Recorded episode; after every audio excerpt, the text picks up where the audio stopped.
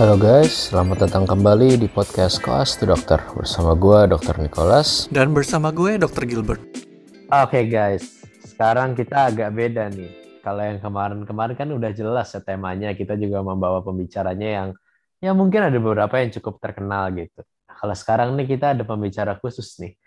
Mungkin dia nggak nggak gitu terkenal ya, nggak belum pernah ada yang dengar mungkin namanya kecuali emang teman-temannya dia. Tapi ini cukup entitas yang unik nih Gil Tahu gak? Lo, lo tahu lagi kenapa uniknya ya kayak gitu? Iya, gue mau mau pas lu bilang unik, gue lagi mikir mau deskripsiinnya gimana, cuma gue nggak bisa gitu, unless lu bener-bener tahu dia. Tapi ya, emang dia dia dia cukup luar biasa lah. Dia teman dari teman gue dari kayaknya sih harusnya dari SD udah tahu, cuman gue baru kenal dia SMA gitu, SMA kan. Dia tuh pas kuliah itu tuh dia wah oh, gunner gil. Dia mungkin tipe-tipe yang kayak lu lah gitu, yang belajar mulu, nilainya bagus mulu tentu dengan harapan menjadi spesialis gitu kan Gil. Eh, tahu-tahu nih sekarang udah lulus jadi dokter kayaknya belum praktek-praktek lagi nih. Katanya sih masih mau jadi spesialis, tapi gue melihat dia malah menjadi seperti seorang dokter tapi entrepreneur gitu ya. Mungkin kita sebutnya dokter premier gitu ya. Ntar, gue mau ralat dulu nih. Bukannya gue bangga, cuma gue kelihatan lebih gunner dari dia. Dia tuh nggak kelihatan gunner nih masalahnya nih. Dia tuh hidden uniknya adalah dia dari awal masuk FK dia tuh udah tahu mau ngapain. Tapi sebelum kita tambah jauh dulu ya, mending kita suruh orangnya kenalin dulu diri apa namanya kenalin kenalin dirinya dulu deh. Silakan Wib.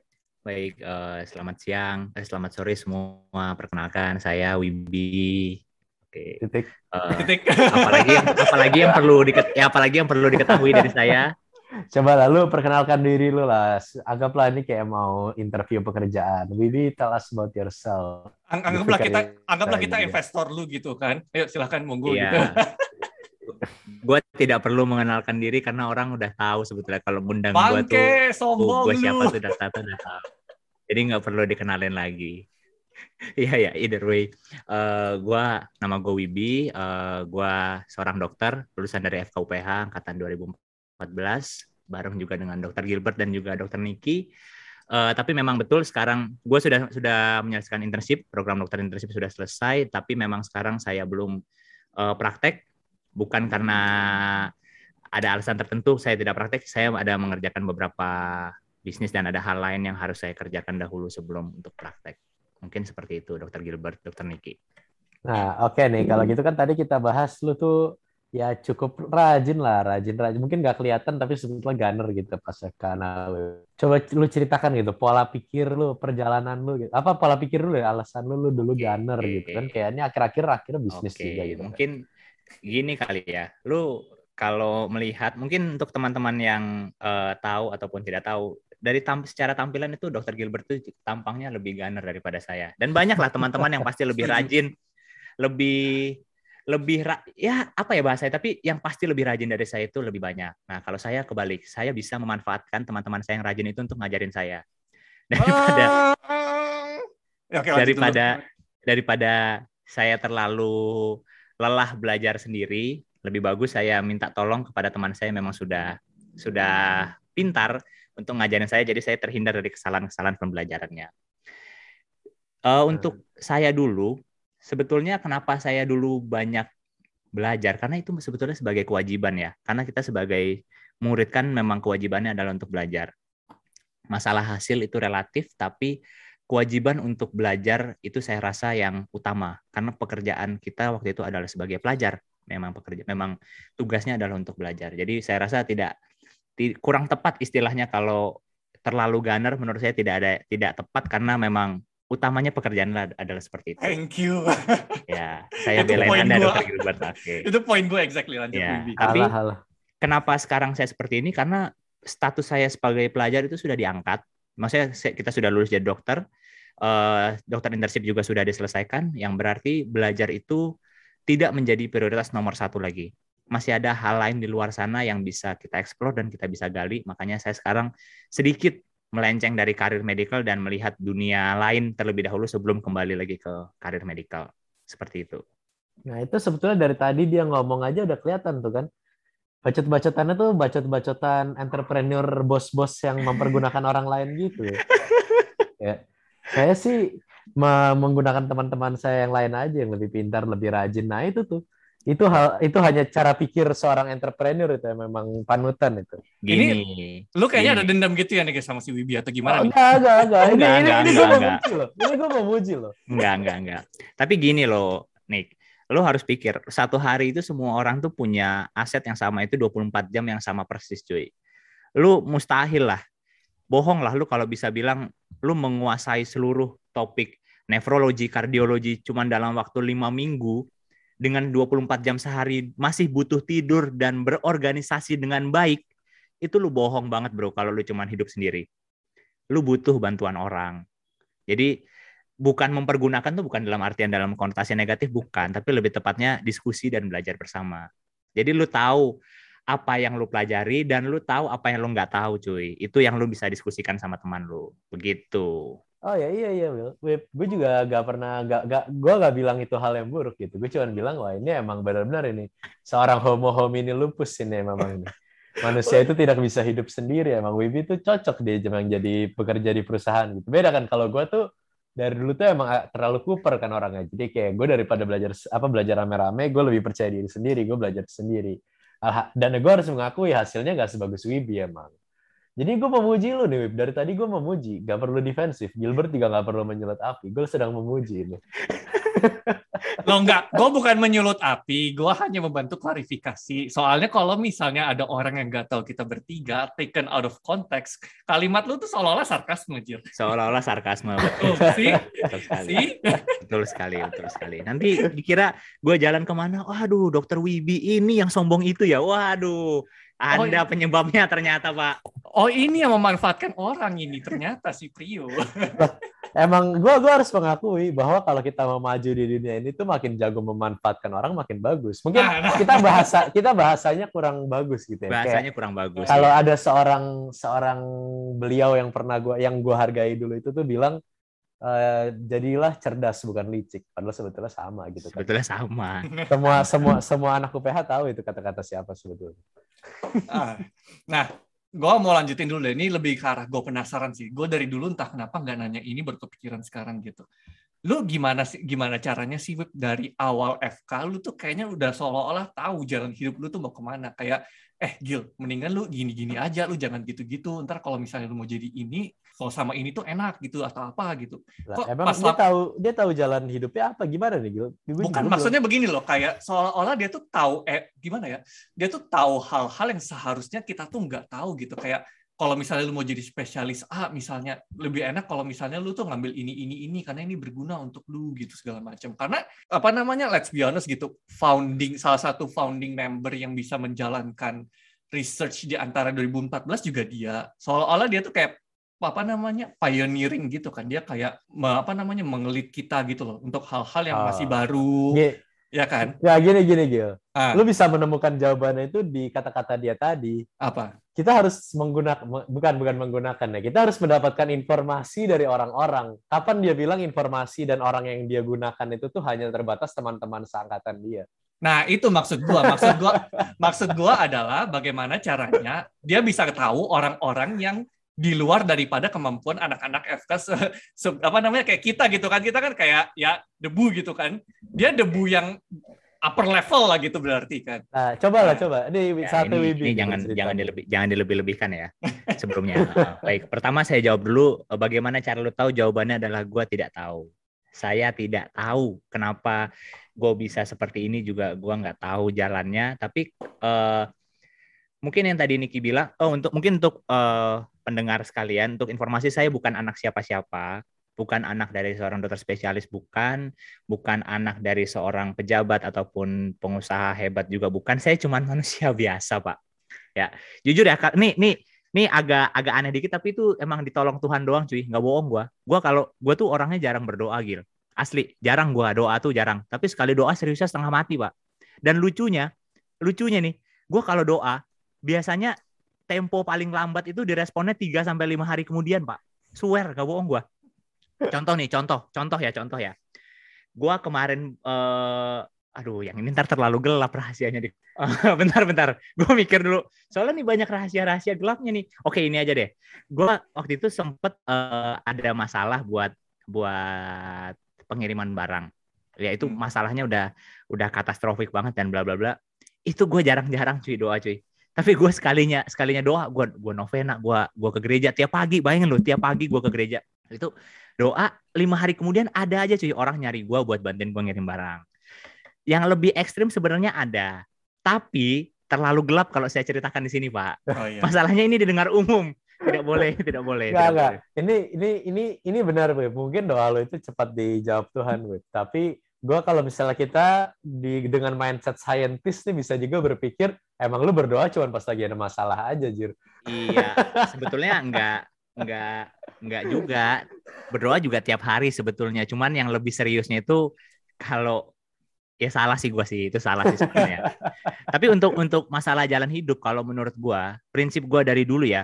Mungkin Nik- Niki ini kebetulan orang yang satu SMA bareng gua, tahu gua juga menggeluti bidang baseball nih dari SMA Nik ya Iya.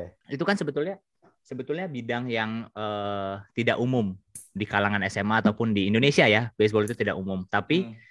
kalau menurut gua lebih bagus lu menjadi sedikit berbeda cuy daripada lu menjadi yang terbaik itu menurut gua kurang lebih bagus lu menjadi sedikit berbeda daripada sedikit lebih baik Hmm. Ya, Kalau menurut salah. gua. Itu ya kan salah. jadi semua orang eh, mainnya bola basket badminton berapa persen chance lu bisa bersinar untuk lu sampai ke pon atau lu sampai ke nasional itu berapa persen chance lu kalau lu mainnya bola basket dan Betul, badminton sebagainya tuh kita. ya tapi kalau lu ambil yang memang marketnya tipis kasarannya yang ya seperti baseball kemudian anggar fencing Ya, ya, ya, ya, ar- ya. archery itu chance lu untuk memiliki karir yang bersinar itu lebih lebih bagus gitu. Setuju, setuju. Jadi, setuju. Kalau mindset gua seda- sedari dulu gua harus berpikir kalau semua orang beloknya ke kiri, gue biasanya ke kanan bos. Hmm. oke. Kalau bisa malah kaki gue di kiri dan di kanan bersamaan. Jadi Oke. kalau kalau semua orang di FK semua belajar hal yang sama, contohnya kita semua belajar belajar kardiologi, nefrologi, semua kita belajar hal yang sama. Apa yang membedakan saya dengan dokter Gilbert dengan dokter Niki itu apa yang ngebedain? Oke. Saya bisa memanfaatkan orang lain. Alah. Bukan, bukan. Itu kan kesannya Ya, Lu bercanda, bercanda. orang. Lanjut, Bukan. lanjut, Ta- Tapi lanjut. maksudnya maksudnya adalah bagaimana kita sebagai eh, bukan sebagai dokter saja ya, di mana pun kita berkarya menurut gua kalau memang kita mau jadi excellent di bidang itu harus ada yang membedakan diri kita dengan orang lain. Anggaplah seperti ini. Kalau di, eh, diasumsikan saya belajar dengan serius sampai saya dapat nilai yang terbaik sekarang, Dokter Gilbert juga belajar serius, Dokter Gilbert juga mendapat nilai yang terbaik. Kemudian apa bedanya Hmm. Dokter Gilbert sama saya? Nggak ada bedanya. Jadi harus ada faktor-faktor pembeda itu. Nah, faktor-faktor pembeda itulah yang kita harus berpikir bagaimana cara kita membedakan diri kita secara positif dengan orang lain. Dengan catatannya secara positif ya. Kita harus berbeda itu dengan secara positif. Jadi yang dalam arah yang lebih baik. Oke, oke. Nah, makanya banyak banyak ngobrol-ngobrol juga dengan senior senior, tanya juga ke dokter-dokter meskipun mungkin kalau dokter Theo dengar ya saya sebut nih dokter dokter dokter Theo SPPD dengan hormat saya sebut nama beliau itu tahun pertama saya ngadep beliau itu bodoh banget. Maksudnya gua ya yang bodoh ya, gua ya yang bodohnya ya. Masalahnya sekarang kalau lu ketemu dia lu merasa pinter. Enggak juga, masih Ya, bodoh itu. juga. Cuman yang dulu itu gua bodohnya ke- kebangetan, Pak. Banget banget banget kasarannya. Kalau gua jadi di posisi dokter Theo waktu itu ya, ini bocah nggak ngerti apa-apa kok mau nanya gua gitu loh. Hmm, Itu loh hmm, maksudnya. Jadi kalau gue sih dulu malunya aja gua minggirkan yang penting gue dapat informasi, dapat ilmu dan bisa belajar dari beliau. Untungnya beliau juga mengajari saya dengan sangat keras ya dulu nyuruhnya apa kisi-kisi yang diberikan itu sangat tajam jadi kita saya dan tim bisa berkembang cukup cukup pesat lah dalam satu satu sampai dua tahun itu berkat hmm, beliau hmm. Jadi intinya lu kalau nggak pernah bertanya, lu juga nggak pernah dapat jawaban cuy. Ya intinya kalau lu lu nggak ngetuk tuh pintunya nggak dibuka. Kalau lu nggak nanya aja nggak mau, siapa yang mau jawab? Hmm, hmm. Sederhana. oke. Jadi jadi kalau setelah lu mendengar penjelasan gua, apakah gua tahu jalan hidup gua ya tidak. Siapa yang tahu jalan hidup gua bakal begini sekarang? Mhm. Gitu. Ada ada dua poin bagus nih yang gue tangkap. Poin pertama adalah ini sekali lagi ini kan kita sharing session ya, bukan kita yang paling benar juga kan. ya? Iya, iya. Maksud gue adalah argumen yang pertama, poin pertama itu adalah eh, lu bisa milih antara lu mau jadi ikan yang gede di kolam yang Kolam kecil atau lu mau jadi ikan yang kecil di kolam yang gede. Terserah lu.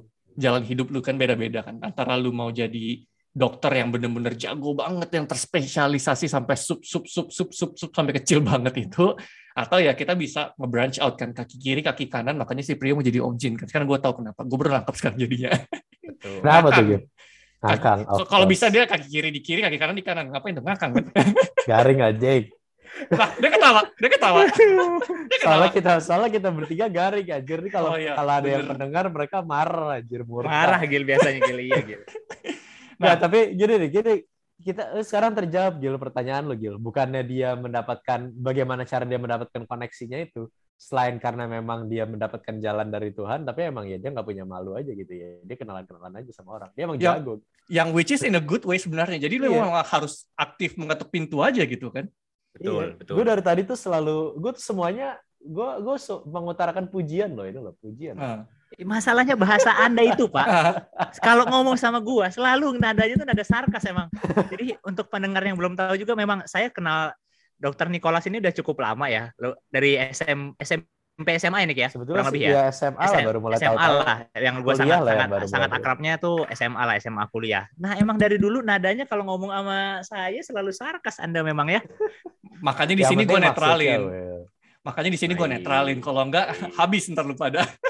Sama poin kedua ini ya tadi poin kedua yang tadi apa namanya harus aktif bertanya. Cuma sayangnya adalah ya kalau lu kalau nggak tahu sih Wib, lu masih gua nggak tahu ya lu masih aktif sama anak-anak bawah atau enggak. Lu ngerasa nggak sih kalau misalnya anak-anak yang terutama angkatan-angkatan baru ini makin lama koneksinya makin terputus gitu atau misalnya yang fokusnya ya lebih ke sendiri-sendiri gitu. Eh, kalau gua pribadi sih gua nggak nggak banyak ya gila teman di angkatan bawah terutama yang jauh di bawah ya maksudnya yang sampai 3 4 tahun gitu gua nggak nggak begitu banyak. Tapi kalau gua pribadi mungkin gini kali Gil untuk masalah yang bertanya itu. Menurut gua ini argumen ya. Ini Hmm, ini op- eh, opini-opini gua itu hmm. kalian itu banyak orang yang merasa itu dirinya itu sudah pintar, Bos. Atau atau gini, lebih tepatnya mereka takut dibilang bodoh. Itu takut sekali dibilang bodoh. takut salah lebih tepatnya kayaknya. Takut salah ya, takut salah, takut dasar lu bodoh gitu. Itu mereka takut sekali dengan statement-statement itu. Kalau gua kebalikannya. Ini ini karena dulu eh, saya sebagai peserta didik ya. Kalau gua dimarahi atau gua dibilang bodoh, itu Ketawain aja. ketawain aja karena gue emang bodoh cuy santai aja karena karena gue bodoh itulah gue pingin belajar dari anda yang memang sudah lebih berpengalaman dan lebih pintar daripada saya kalau kalau gue tidak menganggap orang itu pintar gue pasti tidak bertanya pada dia pasti karena gue sudah yakin dan percaya orang itu lebih pintar lebih berpengalaman dari gue lebih hebat dan lebih profesional makanya gue bertanya sama dia kalau dibilang kamu bodoh ya memang betul saya lebih bodoh daripada anda. Itu sudah pasti sudah pasti. Dan kalau menurut gue pribadi tidak akan bisa namanya gue mengalahkan guru gue itu nggak bisa. Karena guru itu selalu pasti pengalamannya lebih sehebat hebatnya kita ya sepintar pintarnya setinggi tingginya sekolah kita. Guru itu tetap selalu lebih tinggi daripada kita. Itu kalau gue megang banget tuh prinsipnya kayak gitu. Karena ada beberapa orang gil yang gue suka bicara eh, target lu apa bro? Gini-gini supaya gue bisa ngalahin guru gue gitu. Maksudnya impiannya itu melebihi gurunya. Kalau menurut gue nggak bisa karena guru itu sebagai batu pijakan yang memang harus ada di hidup lu dan memang dia selalu akan menjadi tokoh yang lebih tinggi dalam hidup lu. Meskipun mungkin di mata dunia atau di mata orang lain mungkin wah Anda lebih hebat ya dibanding eh, mungkin salah satu guru Anda terdahulu gitu. Tapi dalam hidup lu sendiri, dalam hidup orang tersebut itu guru pasti selalu nomor satu kalau menurut gua.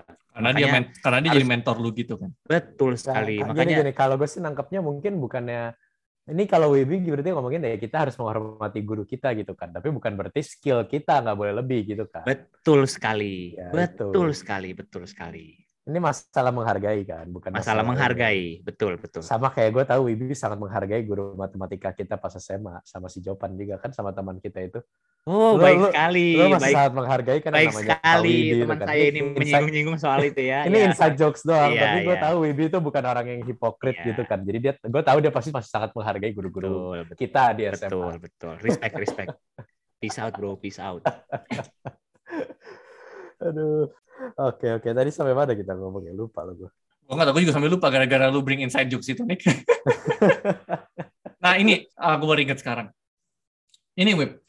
Ap- uh, apa argumen lu kepada anak-anak bawah yang ngebilang kalau misalnya lo dok tapi kan nggak bisa kan kita kan mau jadi dokter ngapain kita belajar hal-hal yang di luar kedokteran gitu kan nggak penting kan misalnya nih kalau misalnya Wibi yang dulu Wibi Wibi pas masih FK lah gitu ketemu lu yang sekarang gitu lu ngapain sih bro lu apa uh, bercambah ke sini situ yang bukan non FK gitu ngapain gitu fokus aja lah ke FK kan lu mau jadi objin awalnya kan ngapain sih gitu argumen lu apa? Kalau diringkas kenapa kok ada yang bilang dok ini kan nggak bisa itu nggak bisa nggak ada. Jadi jadi pertanyaan lu tadi uh, menyangkut gimana kalau ada junior-junior kita yang bilang dok ini kan nggak bisa itu nggak bisa nggak ada hubungannya sama dunia kedokteran dan sebagainya. Iya betul. Tapi apakah semua hidup lu akan bersirkulasinya di seputar dunia kedokteran?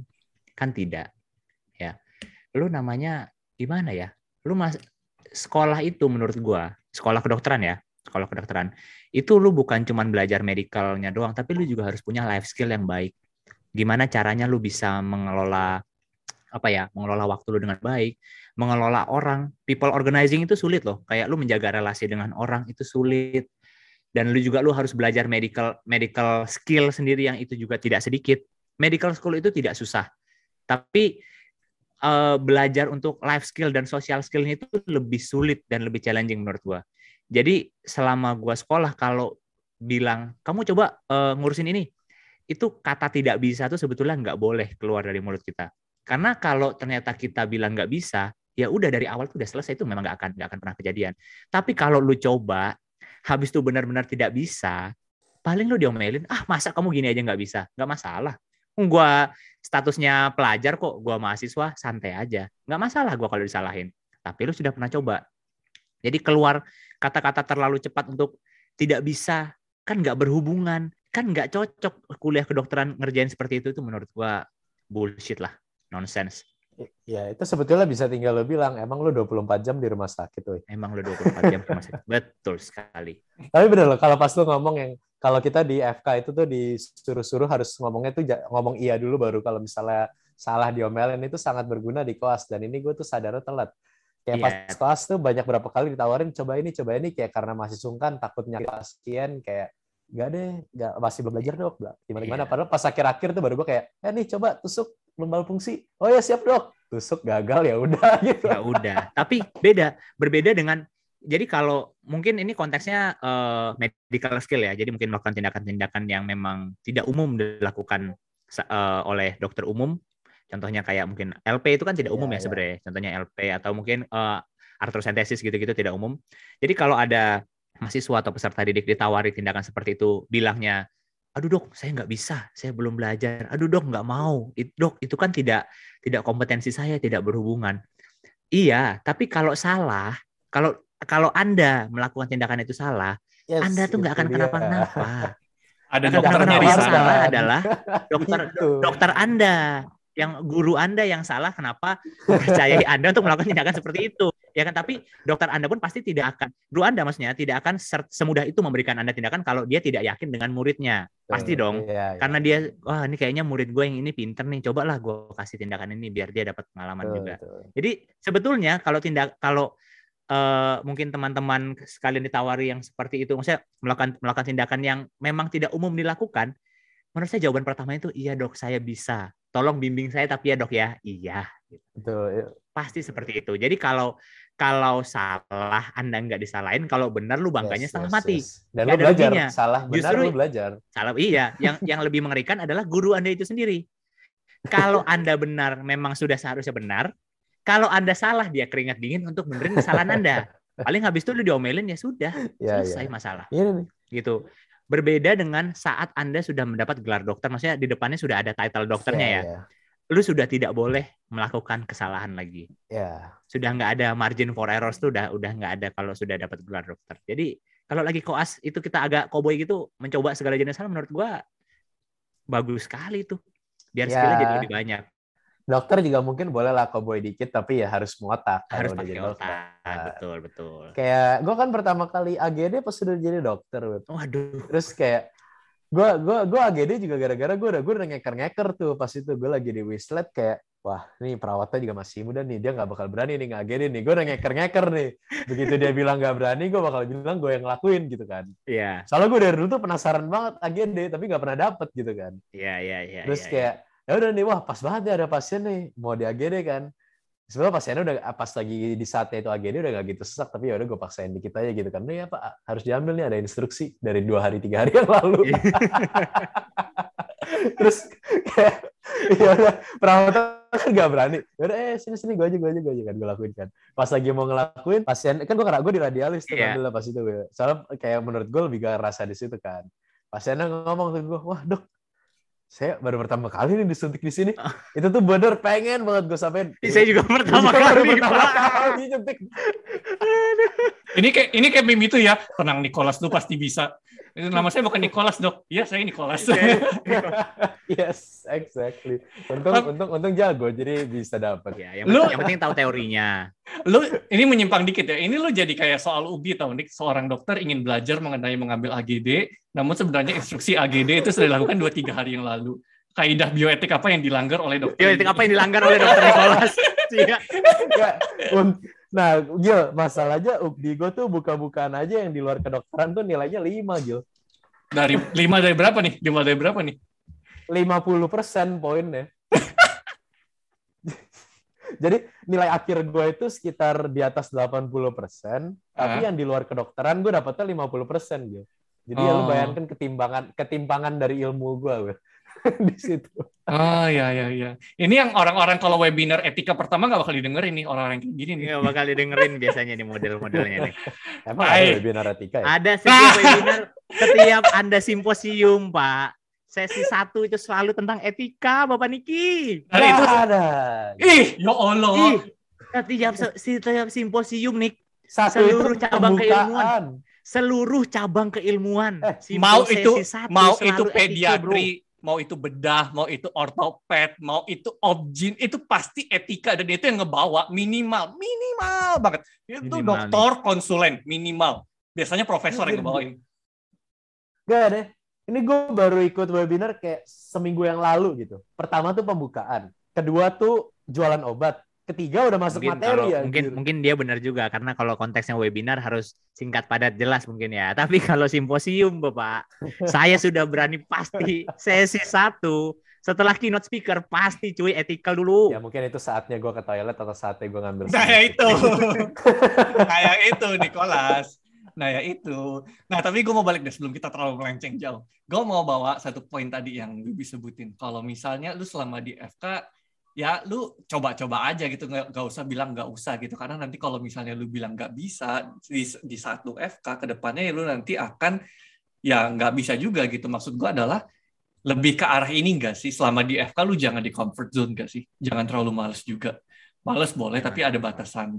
Kayak Iya. ya poinnya adalah FK itu adalah sebuah masa di mana lu bisa mencoba semua hal dan lu nggak akan salah gitu. Ya nggak, bukannya nggak akan salah imun juga enggak gitu loh. Tapi margin of error lu juga gede gitu loh. Silahkan lu berbuat salah, lu silahkan apa namanya mencoba semua hal karena nanti setelah lu keluar dari FK ya itu akan bermanfaat aja bagi lu one way or another gitu kan kalau gua boleh tambahin dikit gua dulu pas koas bedah gua dulu bedah plastik itu sama dokter Sweety ya seperti kalian tahu mungkin bedah kalau pas lagi dapat jatah rotasi bedah plastik itu nggak terlalu banyak ya.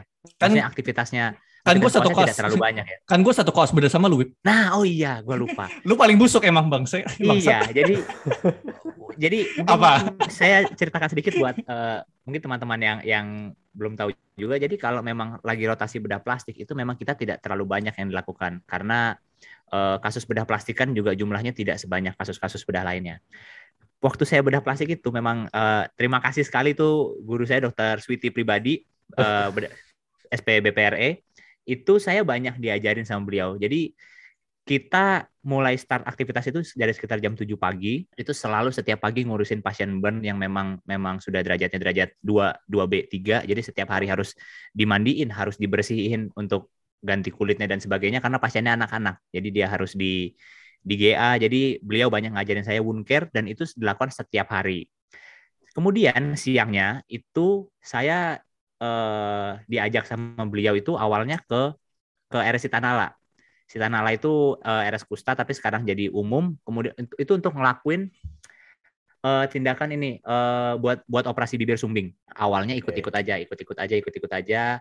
Lama-lama setelah ngeliat, wah dok, uh, coba dong gini-gini. Maksudnya minta dok, coba uh, ajarin saya untuk jahitnya. Oke, diajarin jahit. Lo tau nggak? Gua jahit di sana, gua selesaiin jahitnya. Gua jahit, gua jahit luar banget, bukan jahit bibirnya ya. Jahit luar banget. Jahitan gua, bayangin loh, gua jahit. Habis itu jahitan gua dibongkar semua pak. Dan dia nggak pernah nyalahin gue sedikit. Jadi maksudnya sambil gue jahit dia nggak pernah interupsi gue sedikit pun nggak pernah. Tapi jahitan gue dibongkar semua. Dalam hati gue sih sedih juga tapi gue bang maksudnya respect juga. Dia nggak pernah uh, dia tahu gue lagi belajar. Wibi jangan kayak gitu. Jahitnya itu terlalu jauh jaraknya. Tapi memang tangannya beliau jahitnya 2 mili 2 mili. Gue satu senti. Jadi susah ya jahit 2 mili. Lu juga tahu kan jahit 2 mili 2 mili susah dan emang rapi banget. Sampai akhirnya beliau banyak ngajarin saya untuk eh, hacking hacking yang luas acting yang memang posisinya nggak tepat sampai rekonstruksi jari kalau kepotong itu yang bagus seperti apa. Jadi mas saya, meskipun orang bullshit lah kalau bilang iya nih koas pas rotasi ini nggak ngapa-ngapain. Sebetulnya menurut menurut saya nggak ada yang seperti itu. Setiap rotasi itu lu bisa belajar hal-hal baru pasti. Tau nggak? Gue habis habis habis gue rotasi bedah plastik gue pengen jadi bedah plastik cuy. Pengen okay. gue sampai sampai gue selesai bedah itu gue pikiran apa gue ngambil bedah, bedah plastik aja yang gue usah ngambil objin? Gitu sampai sampai sampai mungkin satu stase setelah bedah tuh gue masih kepikiran tuh jadi bedah plastik karena emang luar biasa banget dunia tapi setelah keluar dari dunia itu dan berhidup dengan normal lagi oke okay, kembali passion gue udah ada gue di objin aja di objin aja Gak tergoyah juga lo. Gak tergoyah, gak tergoyah. Kayak, kayak tapi asik juga lo bedah plastik emang asik kayak loh. Mena asik menarik asik. sekali dunianya. Sayang gue bahkan gak dapet itu rotasinya. Ini gue mau kasih konteks dulu deh bagi orang yang mendengar seberapa busuknya Wibi di bedah sampai dia suka jadi bedah plastik di hari pertama, literally hari pertama stase bedah, gua rata-rata sih rata-rata kakak kelas yang lain, semua kelas yang lain itu cuma megang follow pasien ya operasi masuk koka satu dua pasien lah. Belum dapat nih, belum dapat kesempatan jahit. Dia udah lima kali jahit di IGD jaga malam sendiri. Dia doang, ya. Busuknya hari pertama. Minggu pertama yang itu yang beda plastik itu out of nowhere dia bilang ke gue Gil gue tadi roser si plastik gue kayak what the hell is that roser plastik roser nah itu roser, roser plastik iya, roser plastik what the hell is that baby itu kuku bukan cantengan kan itu Iya itu operasi cantengan kan? Eh zi plastik zi zi jahit kan itu zi, jahit zi plastik zi plastik. Ah, ah, jahit bukan roser kalau roser, roser tuh roser plastik itu kuku gil. Ini ah, zi iya. plastik yang, yang di jari kan, yang Z plastik bro. Z jahit plastik kan? dia pakai Z. Jahit jahit kan? jahit ah. ya. Jadi gua udah, gua udah jadi jahit. ternyata gitu nih kalau ah kalau di jari habis itu dia lukanya itu memanjang sepanjang jarinya itu lu nggak boleh jahit. Mentah-mentah gitu bro. Lu lebih baik dibikin sayatan kayak ZZ gitu kayak dibikin flap okay. gitu nih.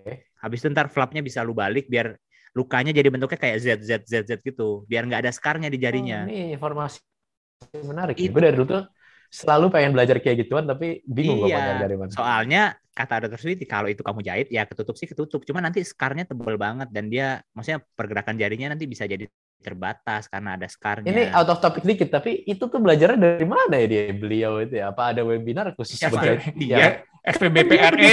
Enggak, gua gua tahu, gua tahu, gua tahu. Gak, gue gue tahu beda plastik itu emang bahas ke situ gitu. Cuman kan kayak maksudnya gue tuh kadang-kadang tuh kadang berapa kali tuh suka nyari-nyari gitu kayak, oh ini webinar beda plastik atau apa sih yang bahas tentang oh, khusus mana luka tuh biar nggak ada skarnya gitu. Soalnya gue tanya dokter A dengan dokter B tapi kalau yang bukan dua-duanya bukan beda plastik ya karena gue nggak dapat beda plastik. Dua-duanya tuh mengajarkan hal yang berbeda aja dan gue rasa dua-duanya tuh tetap aja bakal ada scar gitu yeah. kayak dokter-dokter bedah plastik gitu kan kayak mereka punya secret sendiri iya, gitu. Gua gua nggak tahu kalau itu makanya ilmu gue terbatas di levelnya situ itu aja. Begitulah perannya konsul, Bro. Tapi kalau dulu beliau sih ngajarin demikian soalnya gue sudah melak sudah gue jahit, Pak, setengah jalan masalahnya. Setengah jalan udah gue jahit, Habis itu dia datang. Coba lihat jahitan kamu. Loh kok gini? Bayangin loh. Itu orang baiknya emang kayak malaikat. Aduh dokter ya, kalau denger ini. Malaikat terima banget. kasih banget dok. Parah. Tapi itu orang baik banget. Gue sudah udah jahit, udah setengah jalan. Dan dia nggak ada, eh ini bukan gini caranya. Dibongkar lagi, dikerjain lagi ulang mending gini ya caranya. Coba kamu lanjutin, diliatin cuy. Benar-benar dibimbing. Jadi, wah luar biasa, luar biasa. Ya makanya itulah kebusukannya si Prio. Tapi maksudnya itu, maksudnya ya semakin gimana ya?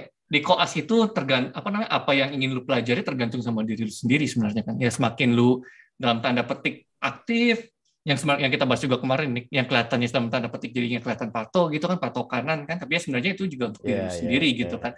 Karena kewajiban lu ya itu satu untuk belajar sebenarnya kan.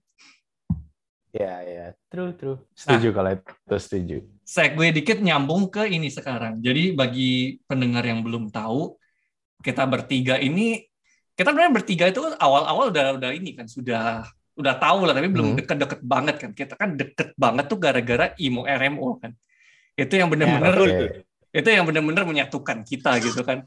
Yang bener-bener ngebuat kita oke. ribut gitu. Nah, Web, lu jelasin dikit dong kenapa lu awalnya mau masuk IMO RMO. Nanti kita berdua nyambung dikit kalau misalnya ada yang perlu ditambahin. Tapi kenapa sih lu mau ikut IMO RMO gitu? IMO RMO tuh apa deh? Kayaknya belum nggak semua pendengar tahu loh IMO RMO. Apalagi kalau yang belum kedokteran. Nah, silakan Web. Loh, kok saya yang menjelaskan? Sekali ya, Gilbert. sekali ya. Jadi intinya eh, pendengar sekalian, IMO RMO itu adalah salah satu ko- eh, kompetisi medical competition lah, medical competition yang terbesar di Indonesia. Pesertanya dari hampir dari seluruh universitas kedokteran, eh fakultas kedokteran yang ada di Indonesia. eh, dan itu diadakannya setahun sekali. Kalau IMO itu Indonesian Medical Olympiad, jadi untuk levelnya nasional dan Internasional, Jun. Indo- Indonesia internasional ya sekarang ya. Pas zaman kita doang baru jadi internasional kalau Iya, enggak mah oke. itu. Dan dan kalau yang RMO itu dia re- eh, levelnya regional. Regionalnya mengikuti dari regional ISMKI, jadi ada regional sa- region 1, region 2, 3 dan, dan sebagainya. Begitu. Oke, terus lanjut. Ah. Mengapa lu mau ikut IMO RMO ini? Kalau gua dulu itu Hmm. sebetulnya kembali ke awal lagi. Eh tapi sebetulnya ya selain untuk menjadi lebih berbeda ya dibanding orang ya. Itu pertama. Kalau kedua itu untuk mengirit waktu belajar Gil. Jadi gue punya excuse buat ngerjain apa belajar. Contoh nih, gua pengen dulu, maksudnya gua gua pengen mendalami ilmu objin itu. Dan menurut gua IMO dan RMO ini levelnya kalau untuk spesialis pasti basic lah. Karena ini kan yang diujikan hanya keilmuan dasar maksud gua, gua tuh pengen ngirit waktu daripada nanti gua harus belajar topik-topik yang memang akan gue pelajari itu nanti pas gua pendidikan spesialis, belajarin aja sekarang. Jadi ntar juga tinggal bisa ngerjain yang lain atau belajar hal yang lebih dalam daripada ini. Karena yang karena yang diuji itu basic sebetulnya. Oke. Gitu. Alasan berikutnya ya itu supaya lebih supaya lu lebih berbeda dibanding orang-orang yang lain gitu. Karena yang lebih penting itu seperti itu kalau semua orang dapat nilainya A, nggak ada bedanya bos lu sama orang lain. Iya, iya. Benar. Dan itu speaking of membahas basic teorinya itu lu nggak takut gitu. Misalnya lu imonya kardio gitu. Terus tiba-tiba tahu-tahu malah mau jadi spesialis tulang gitu kan. Ototnya kan dua hal yang berbeda gitu. Iya, seperti Anda maksudnya ya. Tapi menurut gua nggak apa-apa karena karena eh, pengalamannya lu jadi tahu maksudnya model orang-orang di universitas lain seperti apa dan lu juga mendapat CV-nya itu menurut gua cukup menjadi record yang baik ya. Maksudnya Ya, ya. cabangnya itu tidak tidak tidak seja, tidak sejalan dengan spesialis yang ingin diambil tapi seenggaknya lu sudah menjadi hal yang berbeda at least untuk waktu itu. Ya, Gitu. true. At least gue jadi punya kayak at least gue bisa bilang ke orang kayak ah dari UPH, tapi gue bisa ngalahin UI dua kali. Iya, dua kali loh, gak cuma sekali loh, dua kali dua kali iya. Ini- lagi. Nyebut nyebut institusi banget ya. Karena karena biasanya dibandingin sama itu, Gil. ya nggak apa-apa sih memang memang nggak salah sih. Oh PH uang papa habis ya. Uang papa habis, uang papa habis well spent sih. Lu, lu, Juara lu, dua, kita. lu dua kali, gue tiga kali nih sama MSPQ juga cuy, yang Yang fisiologi. SPQ, oh iya, yang Iya. fisiologi gue nggak, nggak- pas itu gue kayak ikut, padahal kayak gue ditawarin deh, kenapa gue nggak ikut ya? Iya iya, gue yang nawarin. Ya akhir, akhirnya akhirnya menang kita MSP IMFSQ itu kan tahun ini menang. Tahun ini akhirnya Iya, menang. tahun Iya, menang. hebat. Itu Congrats. luar biasa, luar biasa tuh. Walaupun Luar biasa. Walaupun kalian tidak mendengarkan, gue yakin Tapi- Iya, jujur itu bangga sih membanggakan sih bangga pertama sih kali membanggakan. perdana Cukup gitu kan. Kaget Ya, juga gue cuy. Kaget Ah. juga gue. Wah, emang bocah-bocah ini ternyata hebat juga kalau dilihat ya. Ternyata Mantap masih juga, Mang. ternyata masih ada harapan gitu. Bukan Mungkin- ternyata mungkin sekarang bukan, bukan. menang, ternyata Mas. masih ternyata masih ada juga orang gila seperti saya di usia yang sekarang aja. Ya makanya masih ada harapan kan berarti kan. masih ada. Setelah IMO dengan RMU ya begitu begitu flat flat aja eh ternyata masih ada lagi. Nah, mungkin tahun ini jadi menang, Gil. Apanya? Siapa tahu tahun ini juara umum nanti kalau ada lagi. Amin. Ya. Amin Juara- aja sih. Juara umum lagi maksud lu kan? Lagi. Lagi ya, perlu disebut Ah. itu. Kapan? RMU maksudnya. RMO maksudnya. Kalau IMO kan harusnya juara umum. Harusnya Gak usah disebut lebih lanjut. Gak usah, iya, iya. Ini, RMO. ini buat ini buat kepentingan gue juga nih. Gak usah disebut lebih lanjut. Oh iya ya udah udah. Oke oke oke oke oke oke. Balik deh, balik ke topik deh ya kalau gitu ya. Daripada lu nangis nih nanti ya. Balik ke topik oke. dulu deh ya. Balik-balik ke topik. Ini yang gue mau tanya ini, apa namanya? Gue baru kepikiran tentang nyicil belajar spesialis tuh sekarang gitu. Pas gue setelah, apa namanya, setelah gue lulus jadi dokter gitu kan baru kepikiran, oh iya enak juga ya, gue nggak perlu belajar tentang gastro lagi gitu. Yang which is itu gue taunya dari akhir gitu. Cuma masalahnya gini, Web, yang gue pikirkan, memang yang diuji kan basic, tapi yang kita pelajarin itu sangat terlalu dalam sebenarnya. Kayak lu bilang kan, ujung-ujungnya kita belajar lagi untuk jadi PPDS sebenarnya kan. Yang which is sebenarnya ya itu kan, tujuan kita adalah, ya lu belajarin aja sedalam-dalamnya, selama lu lagi memang belajar untuk IMO, memang lu ada excuse, ada dorongan untuk belajar apa namanya IMO ini ya supaya lu apa namanya belajar lebih mendalam, selangkah lebih berbeda aja dari angkatan lu yang lain gitu kan maksudnya. Gini, jadi kalau menurut gua ya nggak masalah cuy. Lu pasti PPDS nanti belajarannya akan lebih akan lebih banyak dan lebih complicated lagi, gue yakin. Tidak Hmm. sebasic yang yang kita pelajari lah, gue yakin itu. Tapi gini Gil, gue prinsipnya, gue kalau belajar itu, gue nggak bisa kayak ngafal, harus dihafal tuh gue nggak bisa. Gue harus benar-benar paham, mengerti sampai sebasic-basicnya. Gue harus ngerti dulu. Jadi kalau basicnya gue, basicnya aja gue nggak ngerti, gimana caranya gue belajar yang advance, bro? Dan kalau lu, lu contoh nih, lu lu belajar topik satu topik obstetri contohnya, lu cuman belajar pas bloknya doang, nggak akan cukup waktu lu untuk menguasai seluruh basicnya tuh mustahil lah menurut gue lah sehebat hebatnya orang pasti mustahil dia untuk menguasai seluruh basic dalam waktu belajar di FK doang. Jadi menurut gue opportunity itu bisa lu pakai untuk nyicil minimal basic basic aja nggak usah yang advance advance basicnya jadi bisa bisa lebih kecicil gitu niatnya.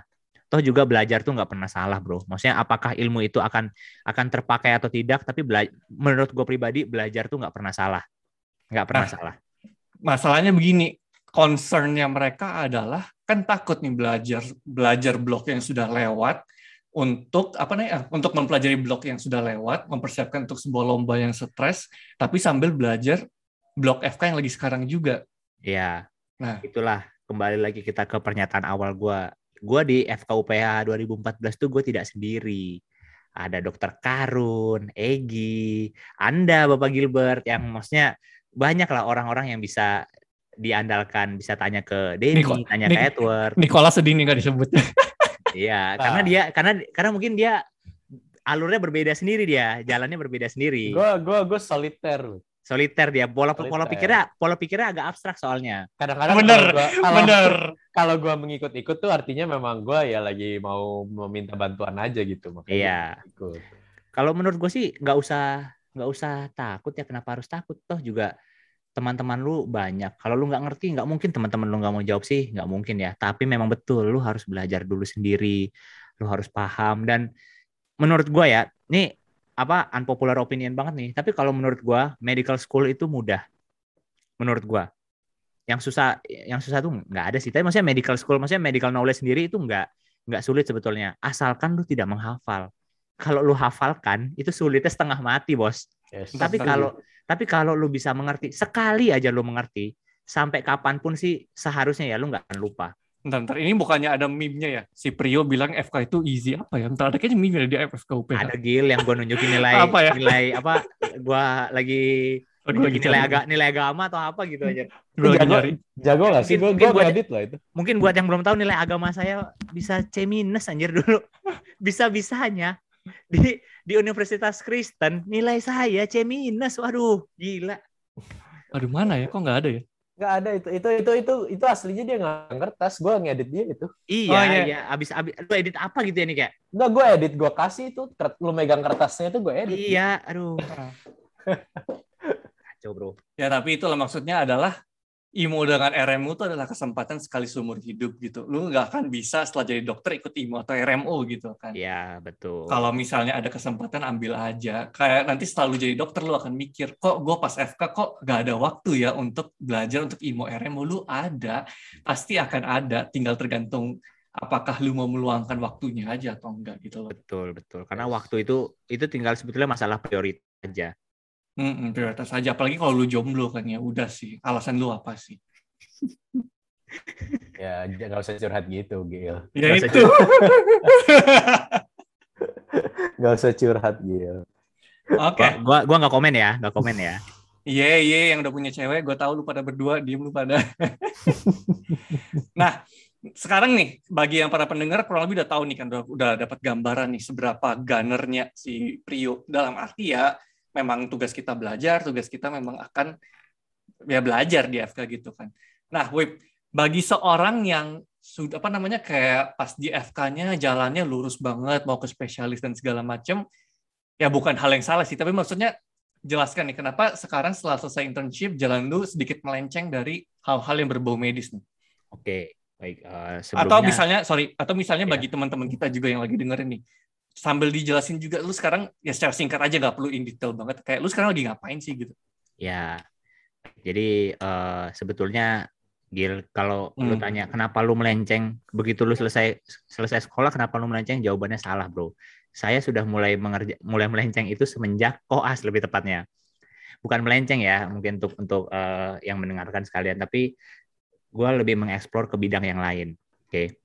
karena semenjak gue koas kan berarti gue terekspos sama dokter spesialis banyak. Gue bisa melihat uh, mereka semua personality seperti apa, kemampuan medical skill semua kita bisa melihat uh, persona dari guru-guru kita tersebut. Hmm. Dan semua lucunya semua guru-guru kita yang hebat itu memiliki personanya itu sama persis. Mereka ahli di bidang tersebut, ya. Okay. Jadi kalau Dokter Gilbert ahli untuk laparoskopi, Dokter Niki ahli juga untuk laparoskopi, dan saya ahli untuk laparoskopi, apa yang membedakan kita? Kembali lagi Gil ke statement awal, tidak ada yang membedakan antara tiga dokter itu. Kata Niki, kalau kata Niki gue berotot. Oke, okay, sorry, oh, never mind. Jayus, Jayus, never mind. Ah, ya itu benar. Itu itu cara Wibi dengan cara lain, gue dengan cara gue. Itu yeah. itu actually cara gue membedakan. Setiap orang, setiap orang pasti memiliki cara yang berbeda karena hmm. uh, kalau memang kita mau bersinar, pasti harus ada karya yang di, ditunjukkan, ditampilkan gitu. Gue awalnya sempat berpikir untuk gimana ya kalau gue berkaryanya nanti setelah gue spesialis karya maksudnya yang berbeda dari orang orang lain gue agak sulit menemukan karya apa di bidang medical yang bisa menunjang membuat gue menjadi lebih positif tapi secara lebih berbeda tapi secara positif di bidang medical itu. Gue kesulitan jujur aja. Karena kalau di level medical student uh, banyak banyak nulis aktif di organisasi. Jadi actively apa buat buat publikasi gitu menurut gue itu udah cukup tapi kalau di level spesialis gue masih masih belum tahu apa yang mau gue kerjakan untuk membedakannya. Karena sekolah spesialis ya kembali lagi, sekolah spesialis pun pasti serupa dengan kita pendidikan ya, dokter umum dulu. Setuju, Cuman bedanya mereka lebih advance, lebih berat dan lebih complicated aja hidupnya. Ya, setuju. Ya, tapi tetap esensinya tetap sama. Lu harus belajar. Dan semua orang lulus dengan standar yang sama yang ditetapkan oleh perhimpunan atau kolegium masing-masing. Itu udah pasti. Jadi kasarannya semua orang akan dicetak sama apa yang membuat berbeda? Gua nggak bisa menjawab itu, gua nggak bisa. Makanya daripada gua berfokus di bidang yang itu-itu saja, gua mulai mengeksplor bidang lain. Awalnya pertama itu gua eksplor dulu pasar uang. Habis itu uh, setelah pasar uang gue explore, gue bikin hedge fund gue sendiri, private hedge funds ya, he, uh, private hedge fund sekarang sudah sudah berjalan kurang lebih satu setengah tahun. Uh, kemudian gue juga mulai cek untuk uh, bermain di sektor komoditas gua juga bermain di sektor tambang, mencoba di sana.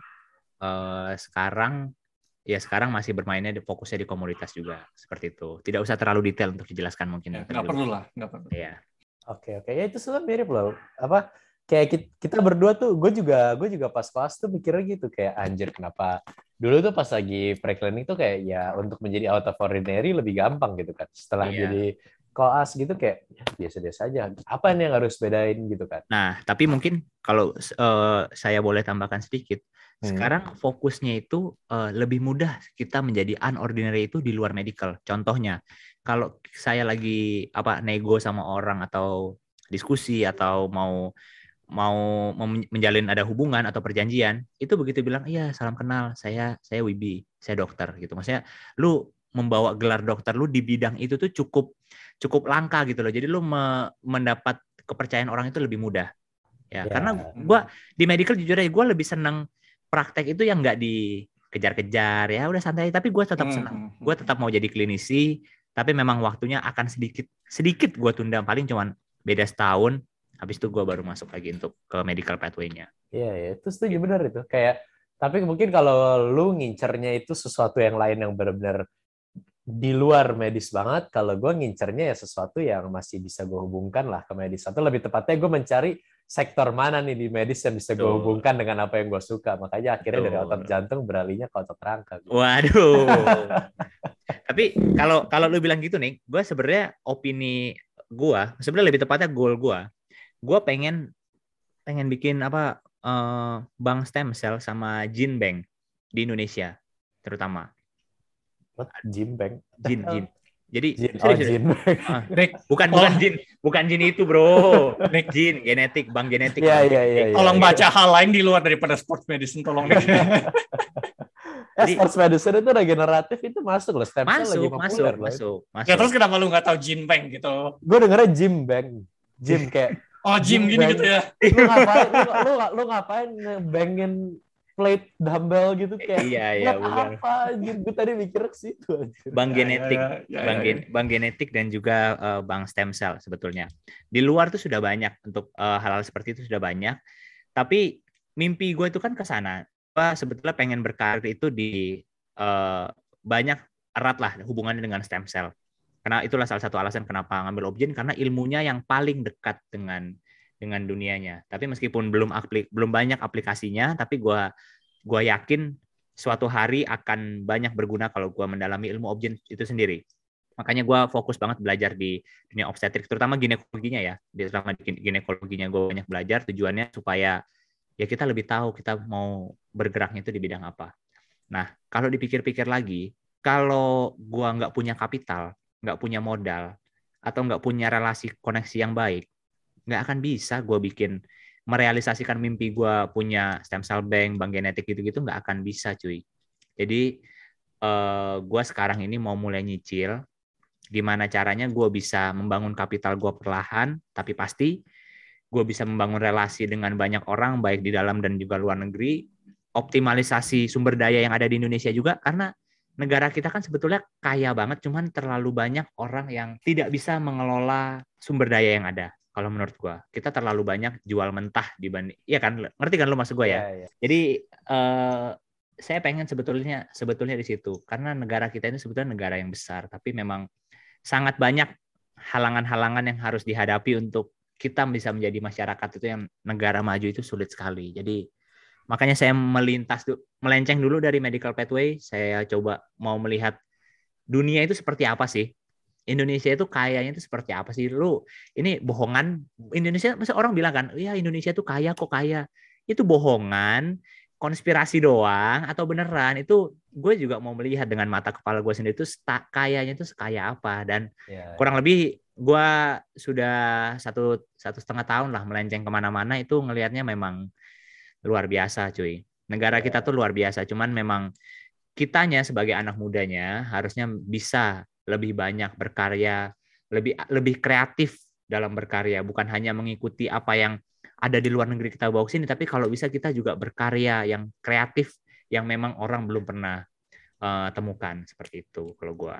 Yes. Mantap, man- mantap kali ini kayak visi misinya WB ini. Iya. Negara kaya, Anda kaya, benar kan?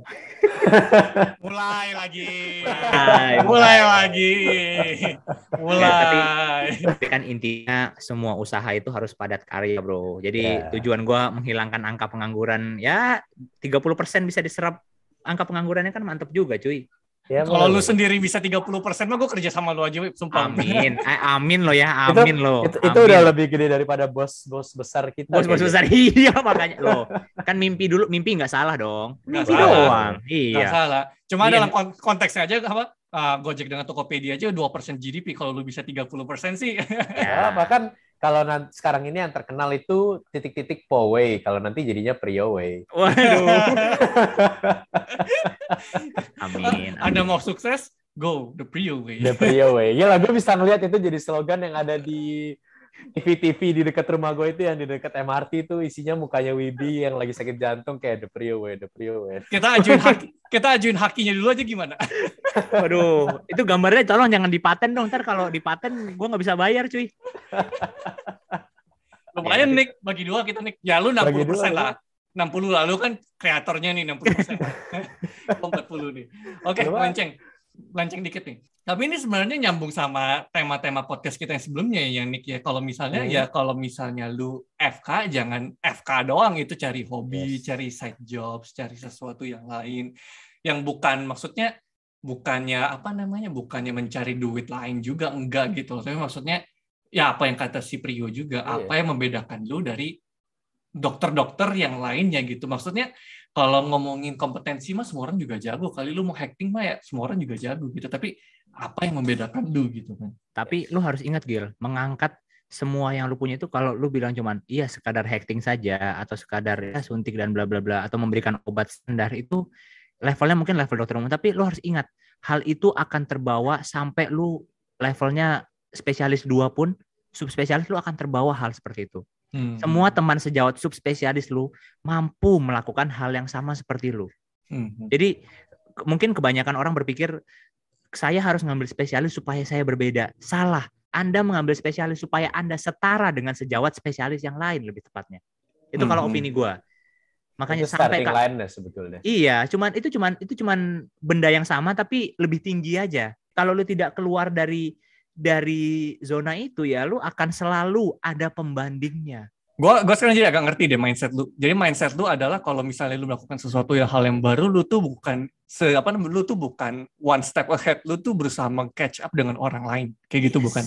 Yes. yes. Makanya lu akan selalu berusaha untuk one step ahead, one step ahead, one step ahead lebih gitu kan. tepatnya bukan one step ahead. Gua di market yang berbeda dengan mereka. Iya, iya. Ah, ah, ah. Jadi Kayak- kayak, lu lu lu cuma di sana aja, gua gua di dunia yang berbeda, tapi gua ke dunia lu bisa, gua ke dunia negara tetangga juga bisa. Yes. Hmm, Ini ini tuh kayak ini kalau ini dari komik ya gue ambil nih kata-katanya ya. Tapi kayak kalau lu nggak bisa lebih pinter daripada lawan lu ya lu jadi lebih kuat dari dia. Kalau lu Iya. nggak bisa lebih kuat dari dia, lu jadi lebih pinter dari dia lah. Intinya kayak kecuali lu bener-bener kayak kalau kita ngomongin murni spesialis lu kayak bener-bener istilahnya jadi yang kayak di film-film yang kayak buset dari koas aja bedahnya udah lebih jago dari spesialis gitu ya lu mendingan cari hal-hal lain juga gitu yang bisa jadi daya jual lu kan yang bisa membedakan lu dengan yang lain Betul. Karena dunia Hmm. itu masih dunia itu masih luas sekali loh, cuy. Asli.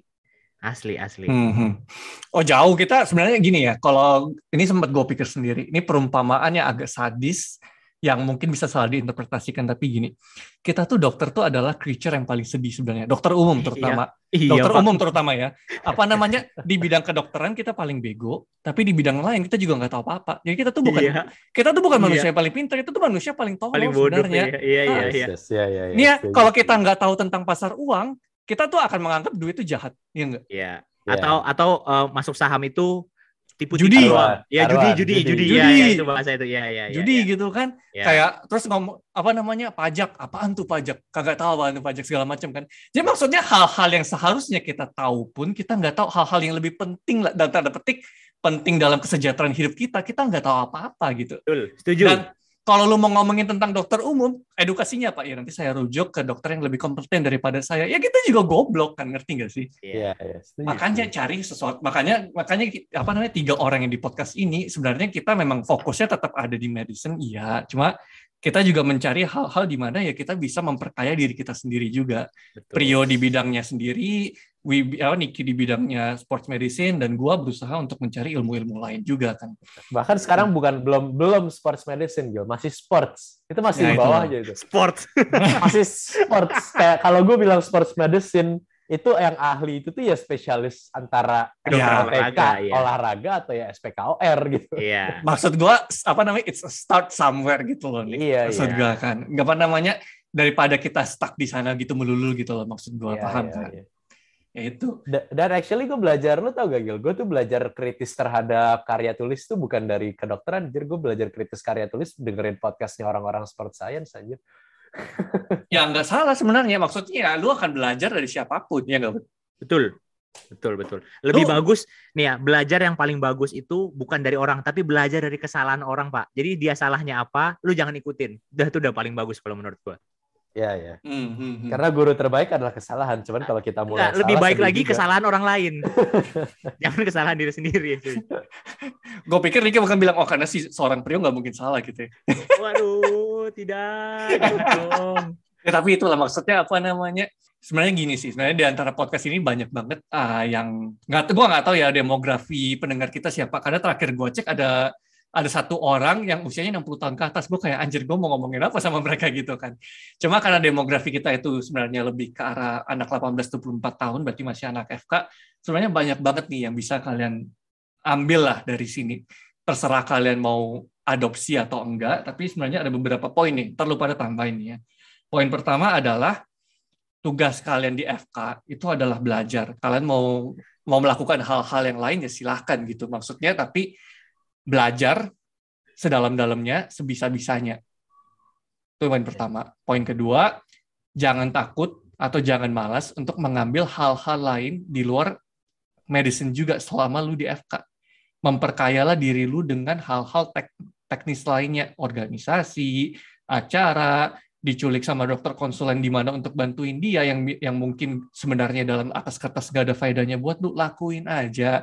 Koneksi itu sebenarnya adalah resource yang paling berharga nanti di akhir kalau misalnya lu sadar nanti. Oke. Okay? Okay. Poin ketiga adalah ambil hal-hal lain di luar FK dan kembangkan itu di sana. Terutama kalau misalnya lu sudah selesai jadi dokter, sudah selesai lulus UKM PPD, nyambung lagi ke topik uh, podcast yang sebelumnya juga bahwa kalian harus punya sesuatu di luar FK yang bisa kalian kembangin karena ya seperti kata gue tadi, dokter umum itu adalah manusia yang paling sedih gitu. Secara dokter kita bego, di tempat yang lain kita juga nggak tahu apa-apa gitu. Ya maksudnya adalah kembangkan diri kalian di luar hal-hal yang lain. Kalau kalian suka fotografi, ya why not jadi dokter yang fotografi gitu kan. Kalau misalnya kalian jadi Nicola suka dengan otot, ya kembangin aja passion lu pada di sana gitu. Ya agak gimana kalian berdua ada yang mau tambahin? Tapi mungkin dokter Gilbert saya tambahkan sedikit ya. Hmm. Uh, bagus memang. Kita harus eh, mengembangkan hal-hal lain di luar medical saya sangat setuju betul. Tapi uh, saya banyak mengembangkan hal-hal di luar medical karena saya tidak tahu kalau nanti saya sudah menjadi seorang spesialis atau atau konsul, uh, atau subspesialis itu apa hal yang bisa saya membuat saya berbeda dengan orang lain? Saya hmm, tidak hmm. tahu jujur aja. Jadi mungkin kalau teman-teman ada yang berpikiran berbeda dengan saya kayak mungkin ada suatu inovasi di bidang medical yang mau dilakukan silahkan lakukan dengan serius, lakukan sedini mungkin karena nggak ada yang kata, aduh kamu kan masih masih kecil, ngapain ngerjain yang begituan, lu research yang begituan, ngapain? Jangan, jangan didengerin seperti itu. Kalau memang mau fokus, sangat fokus di karir medical sampai menjadi one of the best uh, practitioner yang ada di Indonesia, jalanin. Tapi kalau memang idenya itu harus yang sangat bagus dan memang harus out of the box, yang tidak boleh ide-ide yang ordinary kalau memang sanggup menjalankan hal itu, silahkan teruskan di medical. Tapi kalau memang kalau menurut saya ya, kalau memang kita tidak ada ide yang lebih bagus dari yang lebih bagus atau uh, tidak ada cara supaya kita bisa melompat lebih tinggi, lebih bagus seperti yang Dr. Gilbert bilang tadi. Coba lihat bidang yang lain, mungkin ada opportunity yang, yang baik juga di sana. Begitu. Oh, setuju banget. Sharing dikit nih, sharing dikit. Gua kenapa awalnya gue ngambil S2 double degree itu hmm sama kayak lu sebenarnya Wip.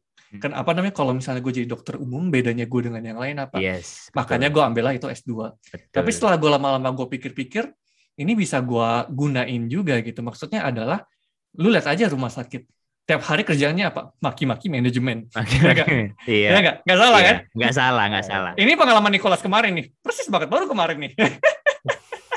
Nah itu maksud gue adalah kenapa sih di sebuah rumah sakit lu tuh harus bentrok dengan manajemen di saat lu bisa bekerja bareng, komunikasi bisa jalan, itu kan akan menjadi sebuah rumah sakit yang lebih fungsional, yang lebih baik dan untuk pasiennya juga ya kan. Betul. Makanya gue setelah gue setelah gue jalanin, setelah gue ini gue pengen sih ngembangin rumah sakit di mana simpel aja sebenarnya kan simpel banget kan tinggal manajemen sama apa namanya dokter dengan nakes nakes sisanya tuh bisa bekerja sama simpel banget gak sih sebenarnya kedengarannya ya oke okay. ini, ini opini menarik juga gila gue kalau boleh uh. nambahin sebetulnya lu ambil S2 kemarin kan untuk manajemen rumah sakit ya dengan dengan magister manajemen magister ya manajemen, manajemen dan juga uh, ya pokoknya intinya itu, uh, hospital manajemen lah. lah manajemen, lah, lah. Uh. Ya. Uh, kalau untuk pembanding sebetulnya lu harus coba untuk melihat rumah sakit rumah sakit luar negeri oh ya bukan itu lu harus benar-benar lu pernah pernah belajar di Singapura ya? Pernah pernah. Ya, Singapura sendiri tuh kualit uh, menurut gua pelayanan medisnya itu luar biasa loh bro. Hmm, hmm, hmm. Maksudnya gue sebagai pasien yang yang remeh temeh gitu ya, maksudnya pasien hmm. yang sebetulnya kalau lu lihat lu nggak butuh ke rumah sakit cuk gitu loh kasarannya. Hmm. Hmm. Ya, hmm. tapi itu pelayanan itu luar biasa sekali. Komunikasi antara dokter, perawat, manajemen, farmasi, radiologis itu luar biasa sekali dan hal-hal seperti itu tuh pengen sebetulnya gue bawa Indonesia. belum sanggup tapi Pak. Maksudnya melihatnya itu gue belum belum sanggup. Tapi kita harusnya bisa belajar dari negara orang. Mereka sanggup kok. Masa kita nggak bisa?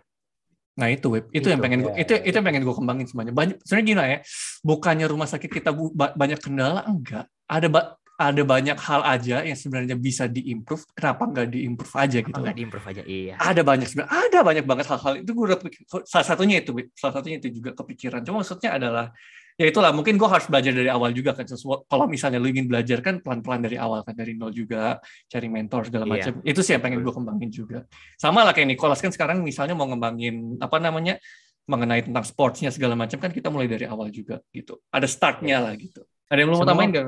Semua pasti ada startnya kok. Cukup Ah. saya rasa. Saya cukup cukup. Oke, kalau kita kita tutup dulu ya.